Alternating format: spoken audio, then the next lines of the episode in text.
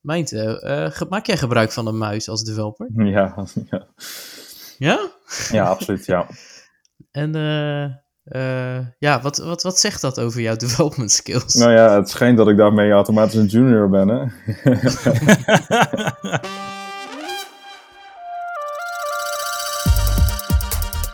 Hallo allemaal, welkom bij een nieuwe aflevering van Codeklets.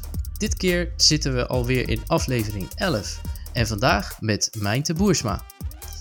Mijnte, die werd 13 eh, jaar geleden werd die gebeten door een virus dat een model-gedreven softwareontwikkeling en domeinspecifieke talen veroorzaakt, zonder uitzicht op genezing. En sindsdien probeert hij zoveel mogelijk mensen ervan te overtuigen om softwareontwikkeling met behulp van domeinmodellering te doen. En tegenwoordig doet hij dat bij de Belastingdienst. En daarnaast is hij ook nog eens bezig om een mooi boek te schrijven over dit onderwerp voor Manning. Zo Mijnte, welkom. Dankjewel. Hoi Kishan. Hoi Johnny. Hallo, hallo, hallo. Ja, we zijn maar naar uh, remote uh, deze week. Oh, gezellig. Oh ja, ja goed. Hè. De, de coronaregels uh, weer aangescherpt en dus toch maar besloten om weer een remote opname te gaan doen. Na onze hosts-only jubileum aflevering van, van een tijdje terug. en we zijn met z'n tweeën vandaag. Kiesjen en, en ik zijn samen. En we hebben, ja, zoals in de intro, uh, Mijnte Boersma als, als gast gevonden. En nou, inderdaad, welkom Mijnte. Nou, dankjewel. Hey, hoe is het jongen? Hoe heb je het gehad uh, de laatste tijd? Ja, goed. Um, ik ben net begonnen aan een uh, sabbatical van een half jaar, dus dat, uh, dat is extra reden voor, voor feest. een half jaar om, om een boek af te maken. Um, en dus ja, um, dat, dat, dat gaat lekker. En daarvoor, ja, corona is natuurlijk geen feestje aan zich, maar ik werkte altijd al veel thuis. Dus en nu alleen maar meer. Dus dat, dat was ik al gewend. en het fijne is dat bijvoorbeeld het team waar ik tot vorige week bij, bij de Belastingdienst bij werkte, nu ook allemaal thuis werkt en daar ook veel beter in is geworden. Dus ik merk dat, dat doordat mensen gedwongen thuis moeten werken, ze ook effectiever raken als team, omdat iedereen thuis moet werken en niet een gedeelte thuis en een gedeelte op kantoor. Ja, en hoe, en hoe bevalt het ook uh, hè, met uh, de andere uh, collega's bij de Belastingdienst, om, hè, die dus gewend zijn over het algemeen om op kantoor te werken? Ja, dat is nou ja, voor, voor mij was het niet zozeer een omschakeling. Voor een aantal andere teamleden wel, omdat die, die, die, die echt alleen maar gewend waren om naar kantoor te komen. Um, wat dan normaal gesproken nog wel eens gebeurde, was dat, nou, dan was ik één of twee, met twee andere mensen thuis aan het werken en de rest zat op kantoor. En dan, uh, ja, dan ben je toch een beetje de, de eenzame roepende in de woestijn af en toe. Uh, moet je mensen echt gaan bellen om, als vervanging van, ja, ik loop even naar je, naar je bureau toe. en ja, nu heeft iedereen hetzelfde probleem, namelijk um, uh, iedereen moet maar gewoon op de Slack of, of MetaMost uh, zitten en, uh, goed op de mailtjes letten en, en, en, meetings doen. en daar word je als team volgens mij wel effectiever van, dat je ook goed snapt van wat het is om als team remote te werken. Ja. ja, ik heb inderdaad ook gemerkt dat een, een hybride vorm, dat dat veel lastiger te bewerkstelligen is dan iedereen thuis of iedereen op kantoor. dat ja. was me inderdaad ook ja. opgevallen. Ja, hey, maar uh, ik, ik heb ook nog een leuk nieuwtje, uh, Meite, die ik uh, met je wilde delen. ik heb toevallig vandaag een intakegesprek gehad bij de Belastingdienst. Aha. Ja, en, in Apeldoorn. En ja, ik ben er doorheen gekomen. Ja. Ze hebben me vanochtend gebeld. of tenminste, sorry. ja, vanochtend was het, was het interview als het ware. Dus uh, er waren zes man die mij dan uh, allerlei uh, leuke vragen stelden. En ja, in de middag hebben ze van de tien, geloof ik, hebben ze uiteindelijk mij uitgekozen. Nou, gefeliciteerd. Leuk. ja, dankjewel. Dus ik word nog een belastingdienstcollega. Ja, dan zijn we gewoon weer collega's. Leuk hè? Waar, waar zit jij in, in het land? nou, fysiek zit ik in Voorhout. Um, en mijn normale standplaats bij de Belastingdienst is inderdaad ook in Apeldoorn. Hey, al uh, heb ik dat natuurlijk al uh, ruim een half jaar uh, niet meer gezien. En, nee. en mogen we officieel dat gebouw ook helemaal niet in en zo. Dus ik heb okay. het ook niet meer geprobeerd. en nou ja, die mailtjes ga je nog wel krijgen, maar we krijgen een beetje ja. elke week een, een e-mailtje van ja, ja, het mag nog steeds niet. Ja, het is wel heel jammer, maar je mag nog steeds niet op kantoor komen, tenzij je echt met een schroevendraaier aan een mainframe mag zitten of zo. Oh, bij wijze van ja, spreken. Ja, ja. ja oké. Maar even terugpakken, hè, want jullie, uh, ja, jullie kennen elkaar dus al duidelijk. Ik uh, ken uh, Mijnte nog niet. Maar jullie zijn dus al collega's geweest. Ja, zeker, zeker. We hebben beide bij, bij Mendix gewerkt. En ja, Mijnte, die kennen we daar heel goed, omdat hij daar het modelgedreven softwareontwikkeling, ja, eigenlijk iedereen de man bracht. Hè? Van waarom het zo belangrijk was, of is eigenlijk, sorry. Ik moet natuurlijk niet in past sense praten. Maar waarom het zo belangrijk is. En, en, en natuurlijk ook hè, onze Mendix developers te helpen in ja, het bouwen aan een modelgedreven softwarepakket. Ja, precies. Ik, ik ben daar gekomen omdat ik daar met, um, omdat ik met Johan de Haan heb gesproken. Um, kort daarvoor eigenlijk.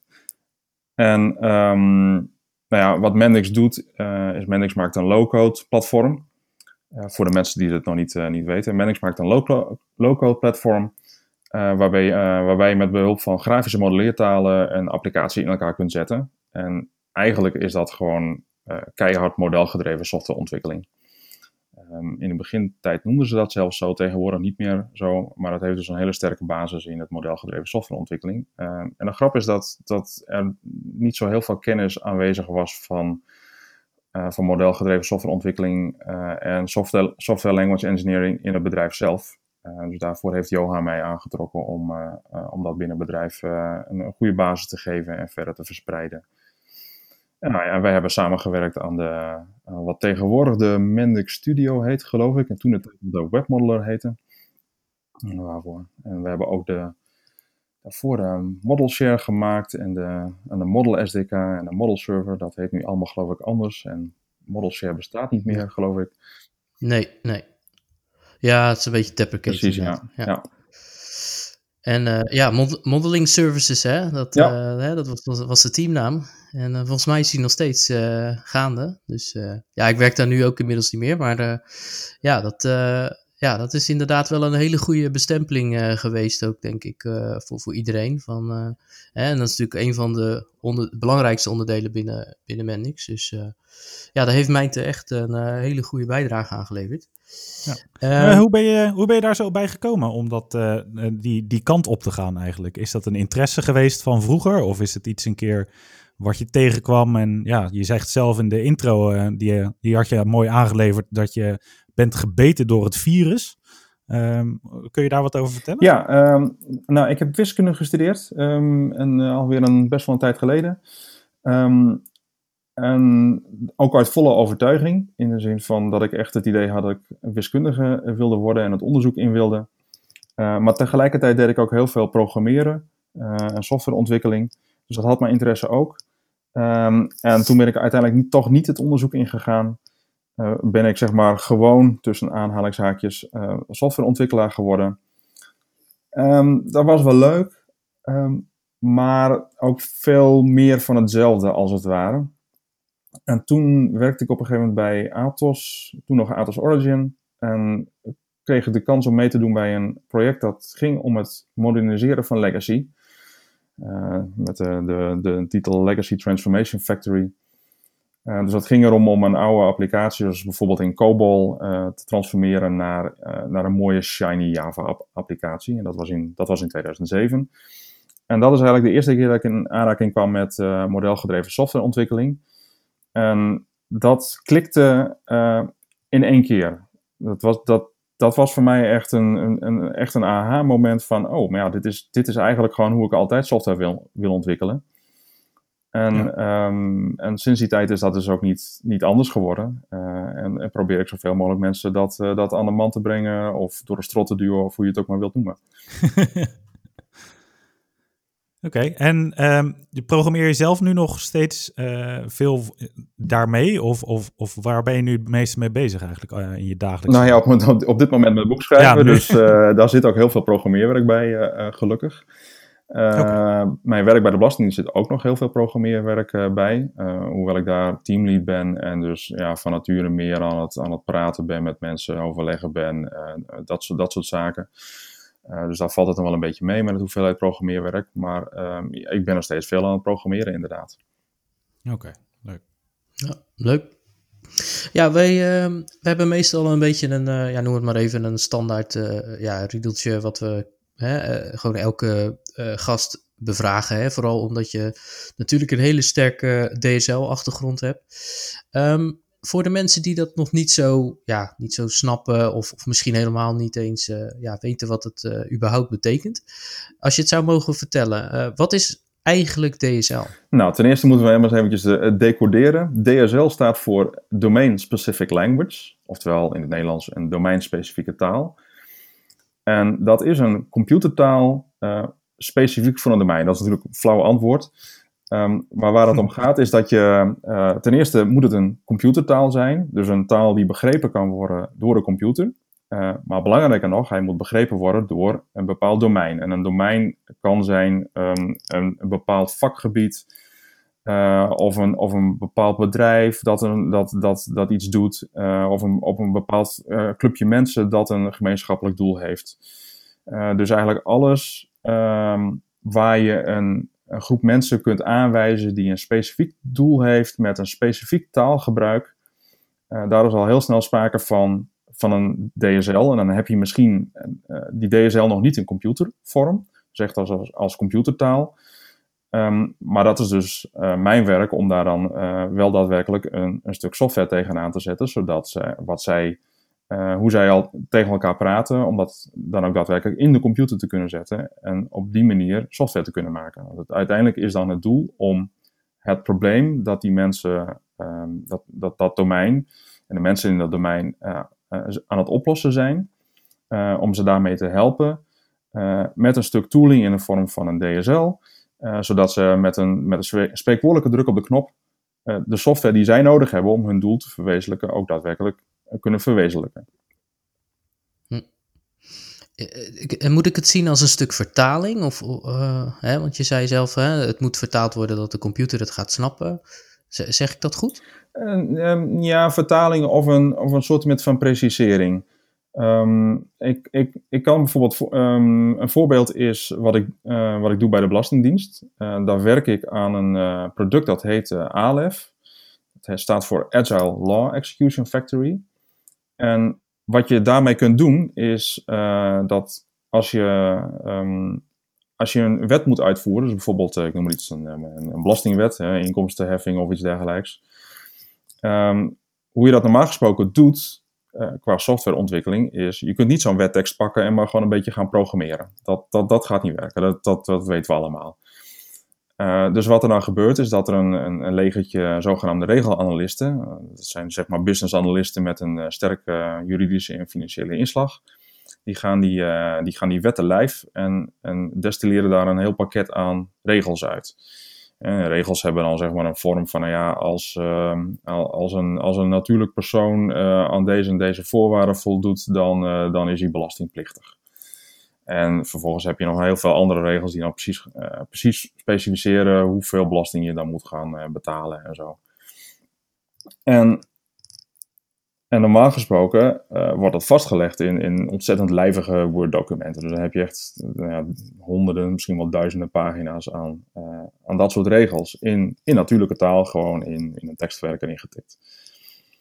Wat je nou met ons project kunt doen, of ons product kunt doen, is die regels in plaats van in een tekstverwerker intypen, in ons product intypen. En dan wordt het gelijk Ehm, gecontroleerd van uh, klopt wel wat je zegt. Hè? Uh, natuurlijk persoon, wat bedoel je daar precies mee? Um, heeft hij wel een inkomen? Dat soort, eh, dat soort zaken. Uh, je wordt ook heel erg geholpen bij het intypen. Dus, oh, oh, je hebt het over een natuurlijk persoon. Nou, dan, dan, dan moet je waarschijnlijk het ergens ook hebben over een inkomen. Of, of, of je kinderen, of je partner, of, of iets, dat soort zaken. Dus dat wordt allemaal heel erg gecontroleerd. Dus het ziet er nog steeds uit als iets dat je, als, als Nederlands, het leest ook gewoon als Nederlands.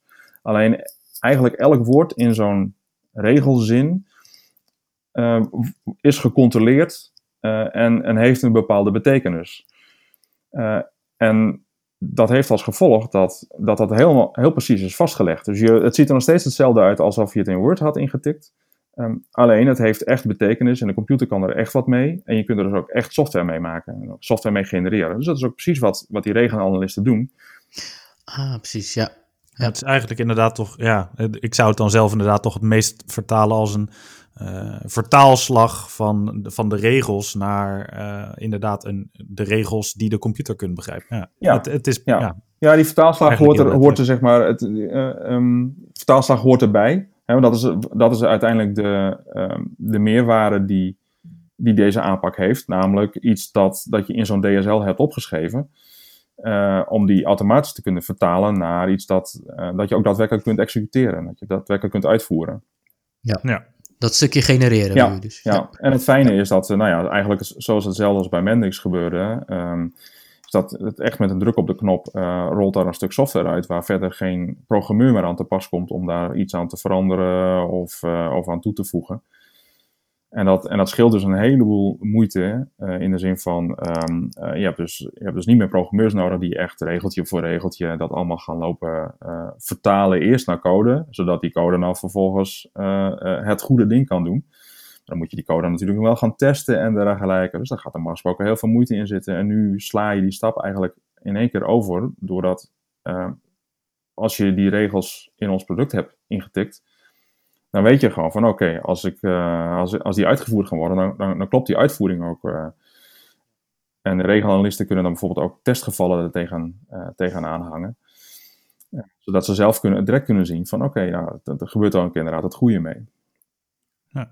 Maar wordt dat dan ook nu nog veel gebruikt? Want ja, hoe vaak is er een, een, een wetswijziging in het belastingstelsel en hoe vaak worden dit soort producten dan aangepast? Vraag ik me. vaak.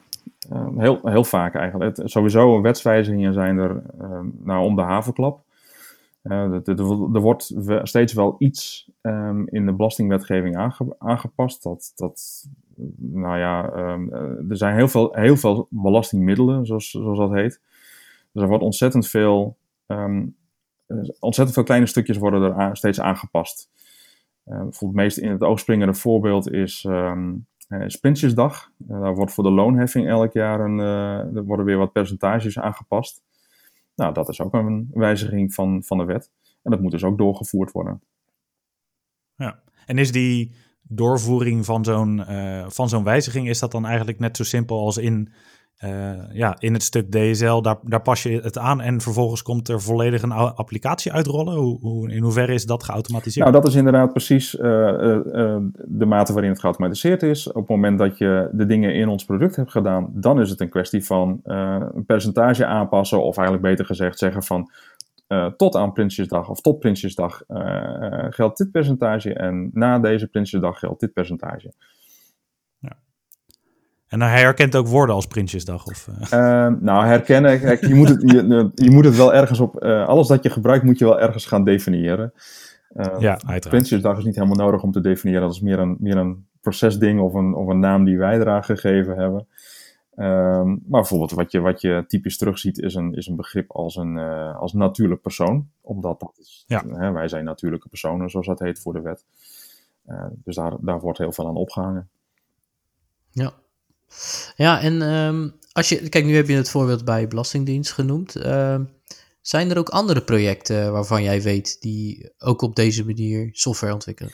Ja, stiekem zijn er heel veel DSL's. Um, heel veel daarvan die, die ga je ook nooit zien, omdat die namelijk binnen bedrijven uh, worden gebruikt en die komen dat bedrijf nooit uit. Dus wat dat betreft is het een uh, ja, hoe, hoe, hoeveel DSL's er zijn, uh, ik heb echt geen idee. Ik weet dat er heel veel zijn en ik weet dat er heel veel ontzettend onzichtbaar zijn. Uh, nou ja, een voorbeeld daarvan is, uh, is al wat ik doe bij de Belastingdienst, want dat is geen open source. Dus dat wordt alleen binnen de Belastingdienst gebruikt voor, een, voor een heel aantal projecten. Um, en dat is dus ook alleen bekend binnen de, binnen de Belastingdienst, hoe dat precies in elkaar zit en hoe je dat gebruikt. Dat is wel heel jammer aan de ene kant. Ja, aan de andere kant, uh, we kunnen het ook niet gelijk open source maken. En, en ik denk dat, dat er heel veel DSL's zijn uh, waar, waar hetzelfde voor geldt. Namelijk dat, uh, dat ze wel bestaan. soms weten mensen zelfs dat het een DSL is. Ook niet altijd. maar, op, maar dat heel veel van dit soort oplossingen, dat die er gewoon zijn, maar niet bekend zijn buiten de situatie waarin ze gebruikt worden. Ja, en um, ja, uh, toevallig hadden we daar ook een vraag over rondom open source. Hè? Uh, zijn er open source DSL's out there? ja, er zijn er gelukkig heel veel. Um, die worden niet altijd zo genoemd. Ehm, maar, er, maar er zijn er echt ontzettend veel. De, de, term slaat eigenlijk ook op heel veel, heel veel talen die er gewoon zijn.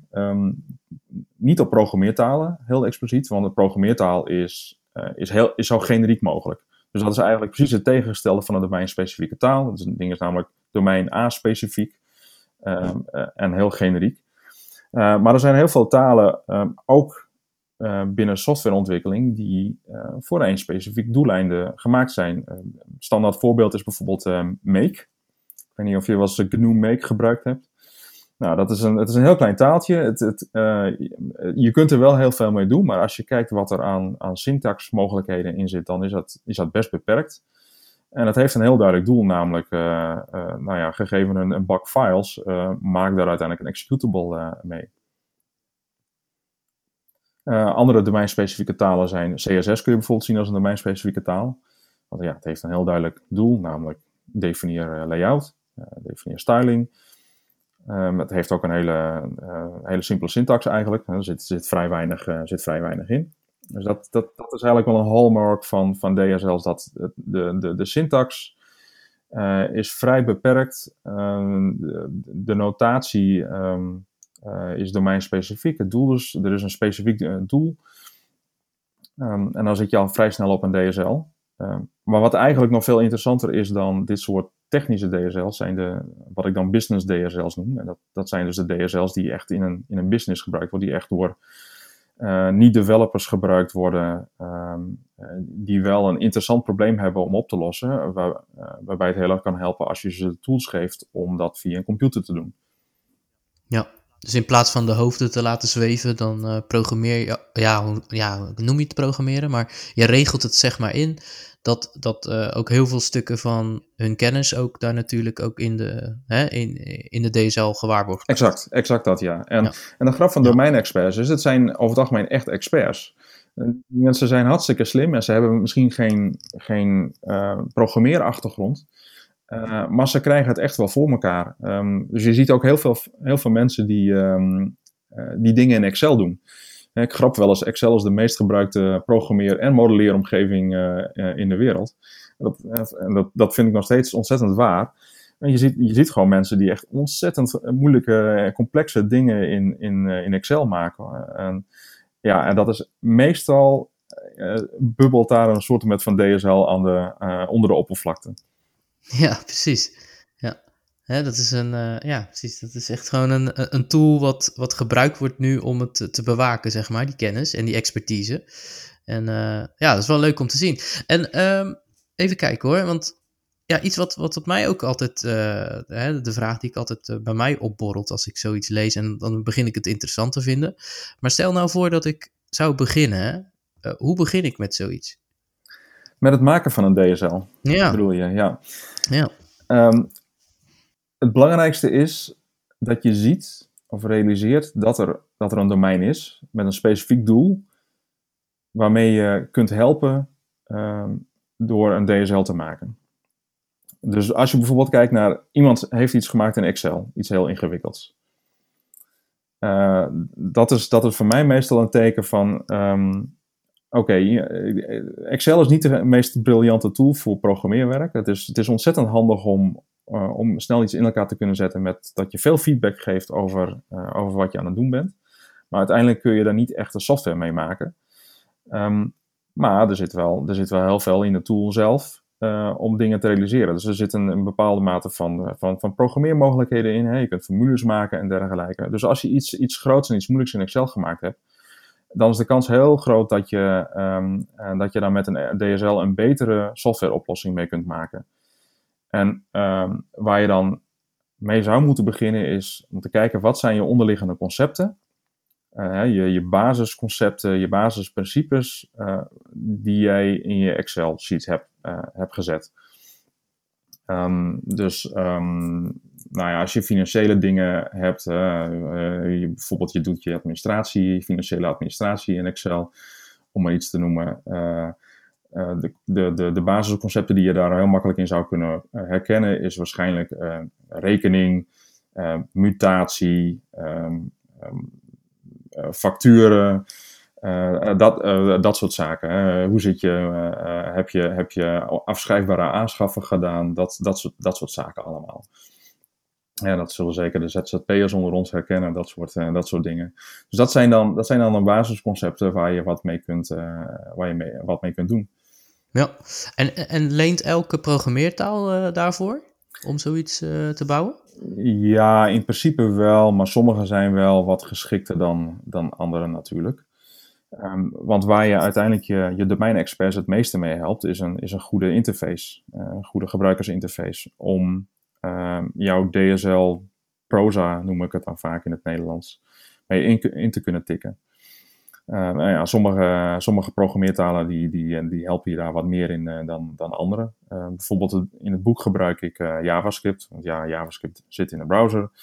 en in, in de browser is het best makkelijk om, om fatsoenlijke UI's te maken. Ja, oké, mooi. En, en ik denk ook TypeScript dan, of... of in het, ja, ja, in het boek toevallig niet. Ik had het, ik had het graag gebruikt, um, maar ik heb maar een eindig hoeveelheid pagina's. Dus ik moest een afweging maken tussen hoeveel investeer ik in, um, hoeveel pagina's investeer ik in, uh, in dingen met behulp van TypeScript uitleggen. En dus misschien potentieel iets over TypeScript moeten uitleggen.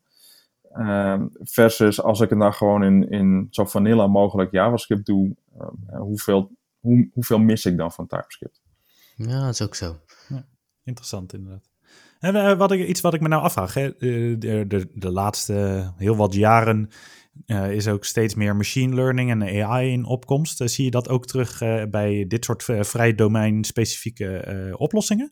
Dus, ehm, of moet het eigenlijk altijd echt heel erg specifiek gedefinieerd zijn en blijft het daar ook bij? Nou, um, eh, dat laatste sowieso, want dat is juist de kracht van DSL's. Dus het feit dat je dingen juist zo, zo strikt en zo strak hebt vastgelegd, dat maakt het juist mogelijk om, uh, om ook daadwerkelijk dingen te genereren. Uh, wat het ook mogelijk maakt, is, is juist dat het heel duidelijk is vastgelegd van wat dat, dat hetgene is wat er nou juist moet gebeuren. Bijvoorbeeld, je gaat niet een, uh, een stuk belastingwetgeving met behulp van een neuraal netwerk uitvoeren. Uh, dat doe je sowieso niet, omdat je, je moet kunnen uitleggen wat er gebeurd is. Dus uh, niemand gaat akkoord met van, ja, we hebben jouw belastingaangifte door een neuraal netwerk gehaald en, en dit getal kwam eruit, dus daar moet je het maar mee doen. Dus, dus de uitlegbaarheid van wat, er, van wat er gebeurt is heel belangrijk. En DSL's helpen daar juist bij, omdat op een, op een voor domeinexperts heel begrijpelijke manier staat vastgelegd van, nou, dit is, dit is hoe we hoe een bepaalde berekening gaat en tot een bepaalde beslissing komen. Dus dat kun je gaan debuggen als het ware. En dat kun je debuggen met behulp van uh, de, de taal en de concepten die de domeinexperts gewend zijn. Waar ik wel een, uh, een mogelijkheid zie voor, voor AI en machine learning is in hoe je dan uiteindelijk tot die, tot die precieze omschrijving met behulp van een, stuk DSL-proza komt. Uh, en, en, daar zou AI eh, best wel wat kunnen helpen. Dat is, is, dan wel onderzoek dat allemaal in de kinderschoenen staat. Maar je kunt je bijvoorbeeld best voorstellen dat het voor een AI-oplossing eh, makkelijker is om datgene wat de AI leert, leert tussen aanhalingshaakjes of, of herkent in een bepaalde situatie, om daar een, een, een, een stuk DSL-proza voor te genereren, dan, dat, dan bijvoorbeeld voor een algemeen stukje programmeertaal. Ja, we hadden laatst die, hoe heet dat ding nou, die G3T?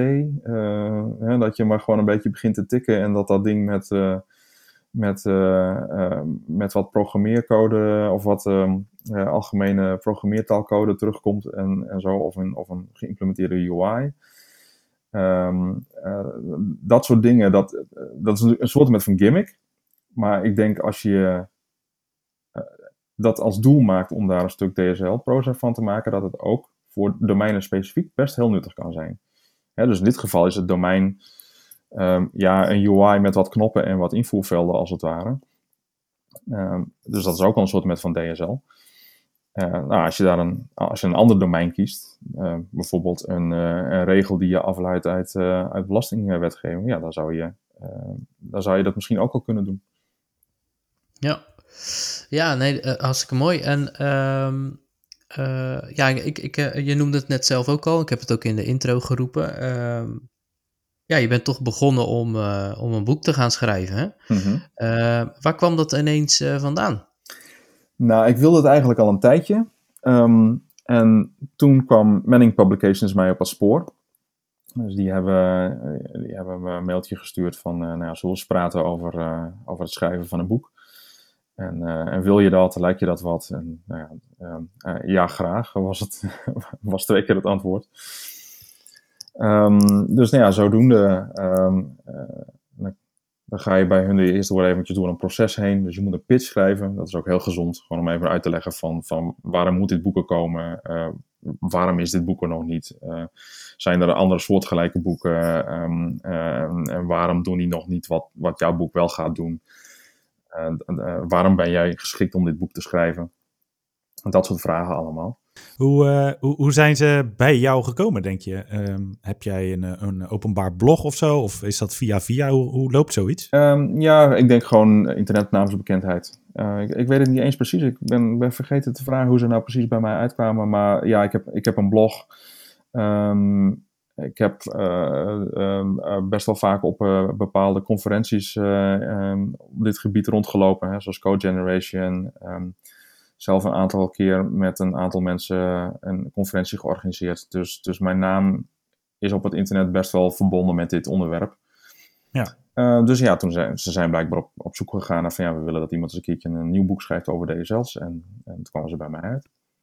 Ja, want is het een onderwerp waar veel over geschreven is in het verleden? Of nu nog steeds wordt? Ja, er is eigenlijk best wel heel veel geschreven. Um, maar wel heel veel academisch. Uh, de, het, het, bredere veld van software language engineering, uh, SLA, dat is, dat is eigenlijk de, de, de, de meer officiële term waar, waar DSL's binnenvallen. Uh, dat is met name op universiteiten best wel een, een, een, een vrij actief onderzoeksgebied en, en ook al tientallen jaren lang. Eigenlijk zitten DSL's al, al tientallen lang in een, een soort met van wederkerende Gartner hype cycle. En dat is ook het frustrerende van dit vakgebied. Uh, dus op zich, er zijn, er zijn best wel boeken over. En met name uh, in, het, in, het, academische veld zijn er, uh, zijn er boeken en, en, en, en, zijn er heel veel artikelen over. Bijvoorbeeld een, een vrij bekend boek is het Dragon Book. Um, van, van hoe heette die, die man ook weer, Aho en Hopcroft. En, okay, en die, die gaat in de show notes? ja, die, nou, het boek is al een jaar of dertig oud. Um, bijna veertig. En uh, dat wordt, het, het, wordt nog steeds best wel gebruikt, ook binnen universiteiten. Okay. Um, heeft ook een behoorlijk grote oplage uh, gehad. Dus dat is best wel een, een, bekend boek. Maar het is ook, ook gelijk alweer heel oud. Het is, het is ja, bijna 40 jaar oud. Uh, het eerste boek en het tweede boek is bijna 30 jaar oud. Dus het, het, is heel erg low, het is heel erg low level. Er wordt heel erg over parsing gepraat. En, en, en hoe, je, hoe je dan bijvoorbeeld uh, bytecode uh, kunt gaan, of machinecode zelfs gaan, kunt gaan genereren voor je processor. dat soort zaken. En dat is niet meer het niveau waar we tegenwoordig software op maken. Dus um, ja, een, een, een, een, nieuw boek was best wel weer eens tijd. Dat heeft Manning dus ook gedacht. Ja. En, en, en jouw boek is dus ook veel meer hands-on en je kan het bij wijze van spreken meedoen. Uh, uh, ja, al lezend kun je mee programmeren en uh, er je eigen DSL gaan maken. Ja, absoluut. Dat is, dat is ook precies de insteek. Um, ik vereis eigenlijk niet, niet meer dan dat je wat JavaScript gedaan hebt, dat je wel eens wat met JavaScript ontwikkeld hebt. Um, of dat je dat snel eigen kunt maken. Uh, en dat je, dat je misschien een beetje webdevelopment gedaan hebt of het eigen kunt maken. Uh, dat, is, dat is zeg maar de, het, de, het minimum. Dus ja. uh, je hoeft echt niks, niks al te weten van, van, van software language engineering voordat je het boek begint te lezen. Ja, en, en ga je dan een fictieve use case, ja, val je die aan door middel van een DSL? Ja. Uh, ja, dus uh, we beginnen met een, uh, het, het, het, huren van een auto. wat, komt daar, wat komt daarbij kijken? Dus in dit geval is het, het domein een, een, een autoverhuurbedrijf. en de domeinexperts die, die daar zitten, die, die bedenken, nou, goh, als iemand een auto wil huren, hoe, hoe, bereken je dan de huurprijs? Hè, zijn er kortingen te vergeven? moeten we rekening houden met Ehm, eh, met of iemand uh, schadevrije jaren heeft. kunnen we zo, moet, moet zo iemand een verzekering afnemen of hoeft dat niet per se? dat, dat soort dingen allemaal. Okay, dus dat, heel interessant. Dus daar gaat heel veel bedrijfslogica, heel veel business logic in zitten. Um, dus nou ja, dat, dat, dat is de use case die, waar ik mee begin. Oh, wow. het, het, is wel grappig eigenlijk, want ja, zoals je het nu ook uitlegt, eigenlijk zijn er zoveel uh, mogelijkheden, uh, mogelijkheden om een DSL te implementeren ook. Dat, uh, ja, daar denk je niet altijd over na. En heel vaak doe je het volgens mij ook zonder dat je erover nadenkt. Ben je een DSL aan het implementeren? Ja, nou ja, heel vaak doe je inderdaad zeg maar traditionele softwareontwikkeling. Um, hè, dus bijvoorbeeld bij zo'n autoverhuurbedrijf bedenkt op een gegeven moment van ja, we kunnen niet meer op papier en Excel, of in Excel af. Dus dan moeten we eens een keertje een, een, een, softwarebedrijf voor gaan inschakelen. Um, Ehm, en nou, als je op de traditionele manier doet, dan, uh, dan ga je requirements verzamelen, um, uh, dat, soort, zaken. En dan gaat iemand uh, eens een keertje een echt programma van maken, echt de UI maken, database erachter hangen, dat soort zaken allemaal. En dat, dat kan best oké werken. Alleen het dit soort dingen verandert de hele tijd. je, je, er verandert iets in, in regelgeving, zodat je, uh, zodat je andere voorwaarden moet gaan stellen aan, uh, aan, aan, aan, het verhuren van een auto. En, nou recent voorbeeld. Goh, mag deze persoon überhaupt wel in deze auto zitten?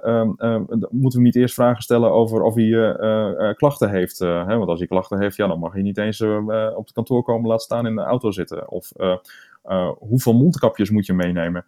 Dat, dat soort dingen. Dus dat, dat wil je allemaal uh, erbij gaan verwerken op het moment dat je, dat je een autoverhuurbedrijf uh, hebt. Dus daarvoor moet je je software aanpassen. Dan kun je weer terug naar die programmeurs die, of die software developers die die software gemaakt hebben.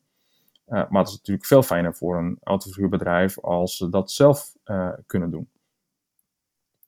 Dus de vraag is dan meer aan de software developers van maak voor ons een DSL zodat we dit, dingen, dit soort dingen zelf kunnen, kunnen doen precies. Ja, ja dat is een. Uh, hè, ik moet ineens denken aan business logic-achtige eh, architectuur ook. Hè? Dus dat je de business logic als het ware gewoon door de business ook daadwerkelijk laat. Uh, ja, ik wil bijna zeggen programmeren weer. Ja, maar ja. uiteindelijk komt het wel daarop neer. Natuurlijk. Exact, ja. Ja, het woord programmeren moet je niet noemen in, in bij, bij business mensen. Dat is. Dat is want dat, dat wil ik. Dat, ja, ja, nee, dat inderdaad. Dan, dan, dan rennen ze hard de andere kant op. Dus dan, uh, dat is alleen maar voor nerds. Ja, ja precies. Nee, ja, echt, echt inderdaad. Ja, dat soort, dat soort reacties heb ik heel vaak gehad. Uh, uh, dat, dat, dat, dat, was niet bon ton om het zo te noemen. Dus dat, ja, noem, het maar, noem het maar configureren of modelleren of specificeren of zoiets, maar absoluut niet programmeren. Maar inderdaad, het, uiteindelijk is het exact hetzelfde.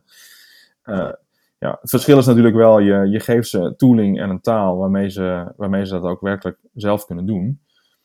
Ja. Eh, vanuit een expertise, maar zonder nou gelijk een hele programmeursopleiding te, eh, te moeten ja. hebben. Ja, precies. Nou, mooi. Ik denk uh, dat we uh, ja, toe zijn aan uh, de vragen uit het publiek. we hebben, hè, vorige week hebben we een, een post geplaatst in onze chat om wat vragen te sommeren.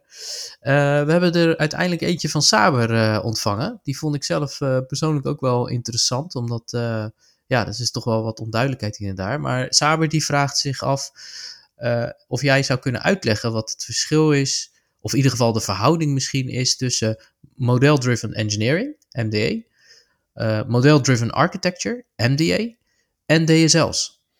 Ja, dat is een hele interessante vraag. Um, ik moet even proberen om daar niet een enorm lang antwoord op te geven, want hier kun je, hier kun je heel lang op door. Um, ten eerste maar eventjes de, de MD-afkortingen. Ehm, ik gebruik zelf meestal de term Model-Driven Software Engineering of zelfs Model-Driven Software Development. Uh, om, het, om het echt te beperken tot, uh, tot het maken van software. Want MDE in hele brede zin uh, gaat over het gebruiken van modellen. En je, je, zou dat prescriptieve modellen kunnen noemen. Dus modellen die echt voorschrijven hoe iets in elkaar moet zitten om engineering te doen. En dat hoeft niet alleen software te zijn, maar dat kan um, um, nou, uh, bijvoorbeeld ook uh, bruggen, vliegtuigen, gebouwen, uh, dat soort dingen zijn. We hebben in Nederland bijvoorbeeld Thales zitten. de, in, de, um, ja, in, de, in de defensieindustrie. En ik weet toevallig dat die, dat die best wel wat aan model-driven engineering doen.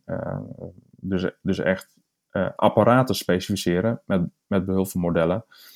En dus niet alleen CAD-CAM, hoe zo'n ding dan, eh, dan, dan uh, de bouwtekeningen en dergelijke, maar ook hoe zo'n ding dan gemaakt moet worden. Ehm, zodra de software in zit, hoe, hoe softwarecomponenten in elkaar zitten, maar ook hoe die softwarecomponenten dan met de fysieke hardware interacteren.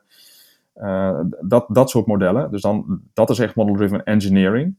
omdat er meer dan alleen software aan, te pas komt. Um, andere bedrijven zoals um, Um, ja, wat vroeger OC heette, tegenwoordig Canon, begrijp ik. Hè, de maken van kopieerapparaten doet ook aan model-driven engineering. Okay. Specificeren van machines en, en dan uiteraard ook een heleboel software erin, maar ook dat echt wel het specificeren van machines. Uh, eh, ASML doet, doet aan, aan model-driven engineering. Dus dat is eigenlijk het verschil tussen model-driven engineering en model-driven software development. Model-driven architecture is een heel um, ja, is inderdaad een heel verwarrend verhaal. Um, eigenlijk is Model Driven Architecture een soort met van merknaam van de Object um, Management Group. een Object Management Group is een, een groep van organisaties, consortium eigenlijk, uh, die bijvoorbeeld UML definiëren uh, en OCL um, en SysML, allerlei dat soort, dat soort modelleertalen. Um, en die hebben op een gegeven moment bedacht van, ja, we gaan ook uh, een model-driven engineering of een model-driven software development standaard uh, bedenken. En dat hebben ze een model-driven architecture genoemd. Hmm. En, maar dat is eigenlijk een, gewoon een, een, een conventie. Een conventie die uit dat clubje is, uh, is voortgekomen, echt bedacht is door dat clubje. en het probeert heel precies voor te schrijven hoe je dan model-driven software development of model-driven software engineering zou moeten doen. Dus dat, uh, dat, dat, dat, begint dan bij een, um, kijken, de term is geloof ik platform independent model. Ja, dus dan begin je met een platform independent model. Dan maak je daar een platform specific model van. En, en, dan ga je nog een transformatieslag verder. Dan, dan ga je daadwerkelijk een wat code genereren en zo. Um, en dat is, heel, het is een heel strak keurslijf. Uh, en ik heb nog nooit gezien dat dat werkte. Oh, oké. Dus, uh, waarom, waarom denk je dat? Uh... Uh, het, is, het is te strak. Het, het probeert je heel erg in zo'n keurslijf te duwen van ja, je moet het per se op deze manier doen. Um, en, en, en, dat werkt, en dat werkt in de praktijk niet. Want er zit, je moet het, je moet het, die hele conventie moet je best wel goed kennen om het volgens de, de, nou ja, de, door hun opgestelde speel, spelregels te kunnen doen. doe je dat niet, dan wordt het al snel wat link. Um, dus mijn ervaring is dat je het veel beter wat meer kunt loslaten. En gewoon als principe houdt van uh, dingen moeten uit een model komen. Of dingen moeten vanuit DSL-proza gegenereerd worden. En dat is een veel gezondere insteek die je veel meer vrijheden geeft om, om ook daadwerkelijk het werken te krijgen. oh ja, en een van de dingen van, van MDA is dat alles in UML moet. En UML is heel erg geschikt om um, mooie tekeningetjes op servetjes te maken. Um, Maar dat is niet zo geschikt om er echt software mee te gaan specificeren. Uh, dus wat je, wat je vaak ziet als je UML gebruikt, is dat je, dat je van die profiles gaat gebruiken en stereotypes. Um, maar wat je dan eigenlijk doet, um, is het, je maakt in UML een DSL. Dus um, hè, om maar eventjes terug te grijpen naar dat, naar dat eerdere verhaal over van ja, als je nou, uh, je hebt iets gemaakt in Excel, hoe maak je daar een DSL van? Nou, dan moet je concepten gaan herkennen. Uh, als je iets de UML gemaakt hebt en je hebt veel stereotypen gebruikt, uh, dan, dan zijn die stereotypen eigenlijk altijd de concepten die je eigenlijke kennis uh, vormen of, of coderen. en dan heb je, nou, dat is de conclusie eigenlijk, je hebt, je hebt UML helemaal niet nodig, maar je kunt gewoon veel beter een, een, een eigen DSL maken die direct op het niveau van, van die concepten praat. En, en, en UML helemaal overbodig maakt. Zou je zeggen dat uh, de documentatie van zoiets als een model-driven architecture wel goed is om te kennen of eens een keer gezien te hebben? Dus dat je een beetje de concepten erachter hebt uh, gelezen een keer? Um, nou, ik zou zeggen dat uh, als mijn boek klaar is, dan zeker niet. Want dan, dan, lees, je, dan lees je gewoon mijn boek. En dan, en dan weet je ook wel wat de belangrijkste ja, concepten zijn om na te kunnen denken over concepten. Ja, is, het, uh, is dat ook misschien een reden waarom uh, eh, UML toch anno, ja, anno nu een beetje een stille dood gestorven is in software development land? ik denk dat het er heel veel mee te maken heeft, inderdaad. Ja. er zijn ook wel andere oorzaken. Ehm, UML is een ontzettend grote modelleertaal. Dus je, je kunt er alles mee, maar je kunt ook alles op, op andere manieren doen. Um, dus wat dat betreft is het een soort met van programmeertaal waar geen runknop op zit. um, dat wil zeggen, het heeft wel, het heeft wel die complexiteit. En, en uh, je kunt alles op tien verschillende manieren doen. En, en je, moet, je moet honderden uh, constructies moet je kennen om er iets mee te kunnen doen. Uh, maar het heeft geen runknop. tenminste, standaard UML niet. er, zijn, er zijn wat UML dingen die, die wel, waar je dat, wel daadwerkelijk een runknop voor, kunt maken. Maar ja, UML in zijn algemeenheid... Um, het, het, wordt nog wel veel gebruikt, maar um, ja, het is zo moeilijker om, om zo'n runknop te maken. Dat is het probleem. Ja, ja ik, heb, ik heb het inderdaad wel gekregen op de, op de informatica-opleiding. Uh, inderdaad, UML en RUP, uh, een, mhm. beetje de ouderwetse, de ouderwetse manier van werken noem ik het altijd maar. Ja. Dus uh, ja, het, maar het, het heeft me ook echt nooit een soort gegrepen als, oh ja, dit is echt nou een goede manier om van een gedachtegoed of een bepaalde, bepaalde probleemstelling om te gaan naar een daadwerkelijk uh, software-applicatie. ja, nee, inderdaad, dat is ook mijn ervaring. Het, is, het heeft eigenlijk ook, als je, hè, als je weer kijkt naar het domein, en, en, of het nou domeinspecifiek is of niet, het, domein is ook heel duidelijk um, plaatjes maken voor architecturen van software. Niet het specificeren van software aan zich of het specificeren van het probleemdomein um, dat, dat een stuk software nodig had. Dus het gaat heel erg eigenlijk in op, uh, nou ja, uh, als je een mooi plaatje kunt maken voor, voor hoe je het wilt gaan oplossen, ja, dan, is, dan, dan zou het misschien een beetje kunnen helpen. Maar je daadwerkelijke domeinexperts, dus, dus bijvoorbeeld de mensen die, die bij een autoverhuurbedrijf moeten gaan specificeren hoe jij, waarom jouw jouw vijfdeursauto uh, 3 euro duurder is dan jouw driedeursauto per dag, ja, daar gaat het niet voor helpen. Ja. Ja, ik had ook uh, uh, Bernard, uh, een van onze hosts, die had ook een, een mooie link gestuurd. Wel naar Wikipedia-pagina, maar wel een interessante quote. Dus eigenlijk wat jij nu, hè, dus deze hele aflevering eigenlijk duidelijk maakt, is dat het vooral voor domain-experts is, waarmee ze zelf gemakkelijk kunnen begrijpen hè, hoe, de, hoe, de, ja, hoe het domein moet functioneren in software. Uh, en, hè, waarmee ze kunnen valideren, aanpassen.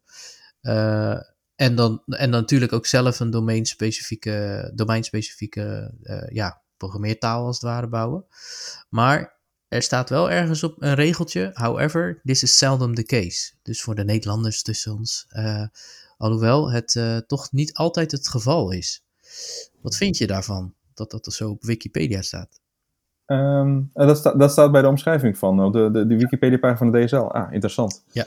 ja. Uh, die was me nog niet zo opgevallen daar. Um, ja, ik weet niet of het zelden de case is. Ik denk dat er, hè, of het zeldzaam is dat dat voorkomt. Um, er zit wel een bepaalde, uh, bepaald maximum dat je kunt doen.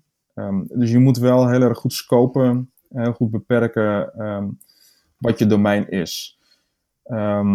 om bijvoorbeeld nou, weer eventjes dat, dat autoverhuurbedrijf, dat zou ik heel erg scopen op het beschrijven van hoe een, uh, hoe een prijs tot stand komt, uh, of er sprake is van kortingen, of, uh, of de echte bedrijfslogica erachter.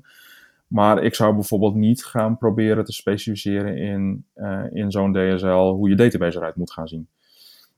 Of, uh, of, of hoe bepaalde knopjes op in, in de UI heel specifiek moeten gaan werken. Daar zul je uiteindelijk toch nog wel wat programmeurs voor nodig heb, hebben. Maar wat je wilt is dat zeg maar, de, de, de dingen die de domain zelf kunnen specificeren en goed kunnen specificeren, dat ze dat kunnen doen. En dat je de rest via traditionele of meer traditionele software development oplost. Ja. ja, want ik zat inderdaad ook met jouw voorbeeld een beetje te denken. Stel uh, dat uh, het autoverhuurbedrijf uh, vanwege de lage rentes toch meer marge moet gaan maken. Ja, dan is het in de, ja, het aanpassen van zo'n percentage is vrij makkelijk gedaan. Precies. Maar stel dat de Nederlandse overheid met nieuwe regelgeving komt en elke of ja, elke bestuurder die een auto wil huren, moet vervolgens een extra document gaan overleggen. Ja, dat, is, dat, dat weet je van tevoren ook niet in je, tijdens het maken van zo'n DSL. Dus ja, dan zal er uiteindelijk toch ook een wijziging moeten plaatsvinden in die DSL, neem ik aan. Ja, klopt. Ja. Dus het kan, het kan heel goed zijn dat, uh, dat door veranderde requirements, dat je ook echt de DSL moet, moet aanpassen of vooral moet uitbreiden. Met, met nieuwe concepten. Dus een, bijvoorbeeld een concept dat, dat, dat zegt van. Um, uh, er moet een bepaald document aangeleverd zijn. En dat je, dat, je, dat je dan ook kunt specificeren welk document dat is. Uh, dat is. Dat is inderdaad heel goed mogelijk. Uh, wat wel het grote voordeel is van zo'n aanpak dan, is dat je zo'n concept maar één keer hoeft te introduceren en ook maar één keer hoeft uit te leggen aan bijvoorbeeld de codegenerator hoe daarmee om te gaan. Ja. Um, bijvoorbeeld ook een interessant aspect van DSL's is hoe test je door via DSL's gegenereerde software. Um, want nou ja, dat is voor Kishin, voor, voor, jou is het natuurlijk een, uh, zal dat altijd wel een hot topic blijven, denk ik. Ja, het is echt uh, iets waar, het keeps me up at night. Precies, ja. Dus, nou ja, en, en de grap van zo'n, van zo'n DSL is dat je hebt een, een, een beperkt aantal constructies, oh, sorry, een beperkt aantal concepten, waar vervolgens een generator mee aan de haal gaat en daar gewoon code uit genereert. Maar dan weet je wel dat elke keer als zo'n concept gebruikt wordt, dan komt daar grotendeels dezelfde, of er komt er in principe steeds dezelfde code uit. Dus heel veel van die code hoef je ook maar één keer, uh, of een aantal keer, een aantal representatieve voorbeelden, hoef je maar te testen. dus als je bijvoorbeeld een, een, een concept hebt waar, um, uh, waar een tabel uitkomt uiteindelijk in een database en een paar formulieren op een scherm. Um, dat soort dingen. Dus gewoon een stukje, hè, hoe, een, stukje datum op te slaan. Um, nou ja, je gaat, je gaat uh, niet meer voor elke, um, elke instantie van zo'n concept. Hè? Dus uh, elke keer dat je bijvoorbeeld een, een, een, een, zo'n tabel op die manier definieert, uh, ga je meer testen van, oh, was de tabel wel goed aangemaakt en kan ik er dan wel dingen in stoppen en dergelijke, kan ik er wel dingen uithalen en, en klopt het formulier dat op het scherm staat, klopt dat dan wel met, met wat er in de database staat. Hè? Dus je hebt zo'n hele integratietest van, uh, ga naar een schermpje, vul daar dingen in, druk op de, de submit-knop, uh, kijk of er dan iets in de database uh, terechtkomt en kijk of er het goede ding in terechtkomt. Dat, dat, dat doe je dan een paar keer, maar dat doe je niet meer voor elke tabel in je database. Want na die paar keer weet je wel van ja, dit, die generator gaat daar echt niet meer, gaat, gaat er wel de goede dingen doen. Ja, het wordt een beetje een slager die zijn eigen vlees keurt dan eigenlijk. je verwacht, je zet er variabele A in. En ja, dan verwacht ik ook wel dat variabele A in de database terechtkomt. Ja. Het wordt, dat maakt dan niet uit of het variabele B wordt, maar ja. het, nou ja, je, blijft. Je, je, uh, je keurt je... Uh, nou, iemand anders dan de slager keurt het vlees een paar, ke paar keer. Uh, maar ja. op een gegeven moment dan heb je wel het vertrouwen dat, nou ja, oké, bij het volgende stukje vlees dat we op dezelfde manier specificeren, dan, dan, dan, dan gaat het ook echt wel goed. Ja, ja. dat doet de slager zijn werk wel ja, goed. Precies. Ja. ja, het risico wordt steeds uh, minder groot. Exact, wel? Dat, ja. dat het fout gaat. Dus dan, uh, ja, dan moet je dus inderdaad ook daarin je teststrategie of, uh, of hoe je het ook wil noemen, dat pas je gewoon daarop aan. Ja, ja je, kunt, je merkt dat je, dat je vrij snel op een, nou ja, laten we zeggen, hoger niveau kunt testen. Dus je kunt, je, je, hoeft een paar dingen hoef je niet meer, zeg maar, zo de hele tijd in detail te testen. Of tenminste, heel veel dingen hoef je niet meer in detail te testen, maar kun je veel meer naar, naar integratieachtige testen kijken. Precies. Ja, dat wilde ik net zeggen. Hè? Dus dan ligt het risico juist meer in de integratie met de rest van de wereld. Ja, en wat ook heel interessant is met testen en DSL's, is dat uh, bijvoorbeeld iets dat, ik dus, uh, dat we dus ook doen bij de Belastingdienst, is dat domeinexperts zelf test kunnen schrijven. Dus die kunnen bijvoorbeeld zelf specificeren van, nou, gegeven zo'n en zo'n situatie, hè, uh, uh, Nederlandse, Nederlandse persoon, 43 jaar, drie kinderen, zus en zus inkomen. Um, nou, reken maar eens uit wat, wat er dan aan belasting be betaald moet, moet worden. en dan kun, je, dan kun je dus kijken van komt er het goede uit. En je kunt ook blijven kijken, komt er het goede uit. Want die test kun je ook weer uitgenereren naar daadwerkelijk draaien test. Dus je begint met een test die je gewoon in, in je DSL gespecificeerd hebt. Dus als DSL-proza gespecificeerd hebt naast je, je regels uh, voor uh, nou ja, belasting of autoverhuur. Uh, en, en de generator maakt dan daar uiteindelijk unit test voor, die dus gewoon als, als normale test kunnen draaien. Ja. Ja, het, het is ja, een, een heel leuk en leerzaam concept voor mij. Om ik moet zeggen, ik zat eigenlijk zelf altijd een beetje in die hoek van... Ik denk in programmeertalen en ik ben eigenlijk altijd bezig met programmeertalen. Maar het, is wel leuk om eens een keer zo'n gesprek te hebben met zo iemand die echt heel veel kennis hierover heeft, zoals, zoals jij. om, om er ook eens, ja, om net even op een soort ja, hoe moet ik dat uitleggen? Een soort meer helikopterview er naar te kijken. Dus eh, echt meer naar het probleem te kijken en hoe kan je dat oplossen door zoiets als een DSL. Ja, ja een, van, een van de vragen die jullie hadden was ook hoe populair is dit? Um, ja. En, um, ja, en het antwoord is, het, uh, in een bepaalde zin is het heel erg populair. Uh, maar in een andere zin ook helemaal niet. Uh, want heel weinig mensen kennen, kennen de term DSL. Heel weinig mensen kennen de term model-driven of model-based. Um, en dat is wel heel jammer, want je kunt er wel heel veel mee doen. En, en de, de, de gewoonte in onze IT-industrie is wel een beetje om van, nou ja, goed, hè, we, programmeertalen, daar kennen we er een paar van. We weten hoe we applicaties maken, dus, uh, dus elk probleem, hè, dus dat is een grote hamer die we hebben. Dus uh, kom maar met je probleem, dan, uh, dan pakken wij die grote hamer en dan gaan wij wel, gaan wij wel voor, je, voor je programmeren, gaan wij wel software developen. En, ja, maar misschien is dat niet de, niet, niet de beste hamer die je hebt. Misschien moet je wel gewoon een, een, een heel andere soort hamer, misschien ook wel ja, een soort met van kleinere, maar scherpere hamer aan je, uh, aan je domeinexperts, aan de, aan de mensen die het probleem daadwerkelijk hebben, geven en, en het daarmee vervolgens zelf laten oplossen. In plaats van dat jij altijd maar met die enorme toolbox, met die enorme hamers aankomt. Ja, want het blijft elke keer een, uh, een vertaalslag die natuurlijk ook vaak wel eens misgaat. Hè? Een soort van Chinese whispers. Hè? Dus dan ik kan me nog wel herinneren toen ik bij Stater zat. Uh, ja, dat, dat ging allemaal over hele ingewikkelde hypotheekberekeningen. en ja, weet je, daar zitten ook veel consultants over, over het algemeen. En die hebben allemaal andere ervaringen. En het kan zo ineens zomaar ja, verkeerd geïmplementeerd zijn. En uh, wat ik dus van jou hoor, is dat je toch ook die kracht van die domeinexperts gewoon beter tot zijn recht kan zetten in het systeem. Door ze het inderdaad iets aan te bieden waardoor ze zelf in staat zijn om die regels te, vast te leggen en, uh, en uh, ja, door, te, door te gaan in, zonder, zonder, de, ja, zonder de vertaling elke keer te doen. Exact, ja. Je slaat echt de vertaalslag over. Of eigenlijk doe je de vertaalslag één keer, maar op een, op een ja, hoger niveau is dan is een afgezaagd woord. Maar je, doet, je, doet het, je probeert het in één keer voor, um, voor alles wat je tegen kunt komen te doen. En dat is wel moeilijker. Uh, dat is echt, echt wel ook een stuk moeilijker. Maar dat is ook een heel stuk interessanter dan, dan uh, nou ja, maar weer een schermpje maken en, uh, en dan weer een tabelletje erbij maken. dat soort werk. Ja, precies. Nou, hartstikke goed.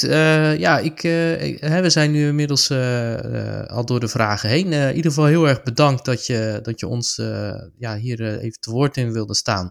Ik denk dat het in ieder geval voor mij heel erg duidelijk is geworden wat, wat de verschillen zijn tussen model-driven engineering, architecture en DSL's. Um, en de verhouding daarvan. Um, nou, ik stel voor dat wij nu doorgaan naar het volgende onderdeel van, van onze podcast. En uh, ja, dat is eigenlijk iets wat in het leven is geroepen na de tiende aflevering. Dus we dachten, joh, we houden dat gewoon even erin. En dat heet de Rants on Twitter. Inclusief sound effects, wow. Daar heb ik echt de hele avond op gestudeerd. Of, ja, dit had, je nog niet, dit had je nog niet verteld dat je dit ging doen. Nee, cool hè. Echt nou. ja, mooie verrassing. Ik ben trots op je. Ah, dankjewel, dankjewel. Nou, uh, ook, de, de, de rants on Twitter, maar is heel Twitter niet één grote rant? Of, uh, of zie ik dat dan nu verkeerd? Tegenwoordig wel, ja. ja. Ja, ik, ik moet zeggen, het, ja, ik heb de vorige aflevering ook al verteld, maar ja, het is toch niet goed voor mijn bloeddruk, die website. maar misschien zit ik een beetje op de verkeerde kant dan. Dat, uh, dat kan ja, hangt een beetje af wie je allemaal volgt, hè? ja. ja, ja, ik, uh, ja we, we, hebben het in de, in de Slack-kanaal ook even over gehad. Uh, ja, iets wat mij deze week toch wel een beetje opviel was die, uh, was die muis gebruiken van developers. Hey, ja. Mijnte, Mijnte maak jij gebruik van een muis als developer? Ja, ja. Ja? Ja, absoluut, ja. En ja, wat, wat, wat zegt dat over jouw development skills? Nou ja, het schijnt dat ik daarmee automatisch een junior ben, hè? maar gebruik je dan een touchpad of gebruik je een echte muis? Ik gebruik een echte muis. Um, ah, ja. ja, dat is denk ik gewoon een beetje persoonlijke voorkeur. Uh, touchpad kan ik best mee overweg, maar uiteindelijk vind ik een, een, een echte muis toch wat, uh, toch wat handiger werken. Ja, maar gebruik je Mac of niet? Ik gebruik Mac, ja. heb je dan ook zo'n Magic Mouse? Ja, ja, ja. ja. Ah. ja, en dat vind ik heel prettig, want daarmee kun je, um, nou ja, zoals je wel weet, Johnny, uh, je kunt links, rechts, omhoog naar beneden, omhoog en omlaag scrollen met name dat links en rechts is, uh, is, is vaak best praktisch om, uh, uh, om, om, om Windows goed te centreren of om een goede plek op te zoeken in, in je code en zo. Ja, ja, ik moet zeggen, ik ben, dat is het enige wat ik een beetje mis. Want ik ben een tijd, even kijken, een jaar geleden of zo ben ik overgestapt van een Magic Mouse naar zo'n Logitech MX Master. Met name gewoon vanwege kramp in mijn, in mijn handen. Uh, dus de, de, ja, een beetje lichte RSI-klachten. En toen dacht ik, nou laat ik dan toch maar iets ergonomischer verantwoord, ergonomisch verantwoorde muis uh, aanschaffen. Uh, maar dat is inderdaad wel iets wat ik toch mis. Dat makkelijke heen en weer vliegen met die, ja, op die lekker gladde plastic bovenkant van die Magic Mouse. ja, ik, ik heb zelf nu ook een Magic Mouse. En ik heb het nu, denk ik, zo'n halfjaartje ben ik een maand gebruiken. Ja, ik vind het wel heel lekker hoor. Dat met die, hè, dus, dus ik ben niet meer gewend om echt een muis in mijn hand te hebben en te klikken. Ja. En ik voel me ook veel meer professioneler of zo als ik dat ding gebruik. Dat is ook knap, ja. ja hey, maar om even de mensen thuis die misschien niet de rant hebben gezien op Twitter. Um, ik ben even de naam kwijt wie, wie nou de thread startte. weet jij dat misschien, Johnny? Nee, ik weet dat niet uit mijn hoofd. Dus zou ik dat ook echt even op moeten Ja, goed. Zullen we het in de show notes stoppen? Dan, uh, we zetten hem in de show notes erbij. Er staan ook een hele hoop leuke reacties op. Ja, Bijvoorbeeld één iemand die heeft vier muizen uh, aan zijn laptop gekoppeld. En die vroeg zichzelf af of die dan nu ook echt ja, een, wel aan het ene extreme van het spectrum uh, ja, ja, want het, tweet, hè, het tweetje waar, waar het over ging, dat, het was dus iemand die had, uh, ja, ik weet niet eens of het een grapje was of dat hij echt serieus, serieus twitterde, maar hè, hij, hij koppelde uh, ja, je ervaring en je kennis hè, van, als developer aan het gebruik van je muis. Dus als jij een muis zou gebruiken, dan werd je volgens hem als junior verklaard.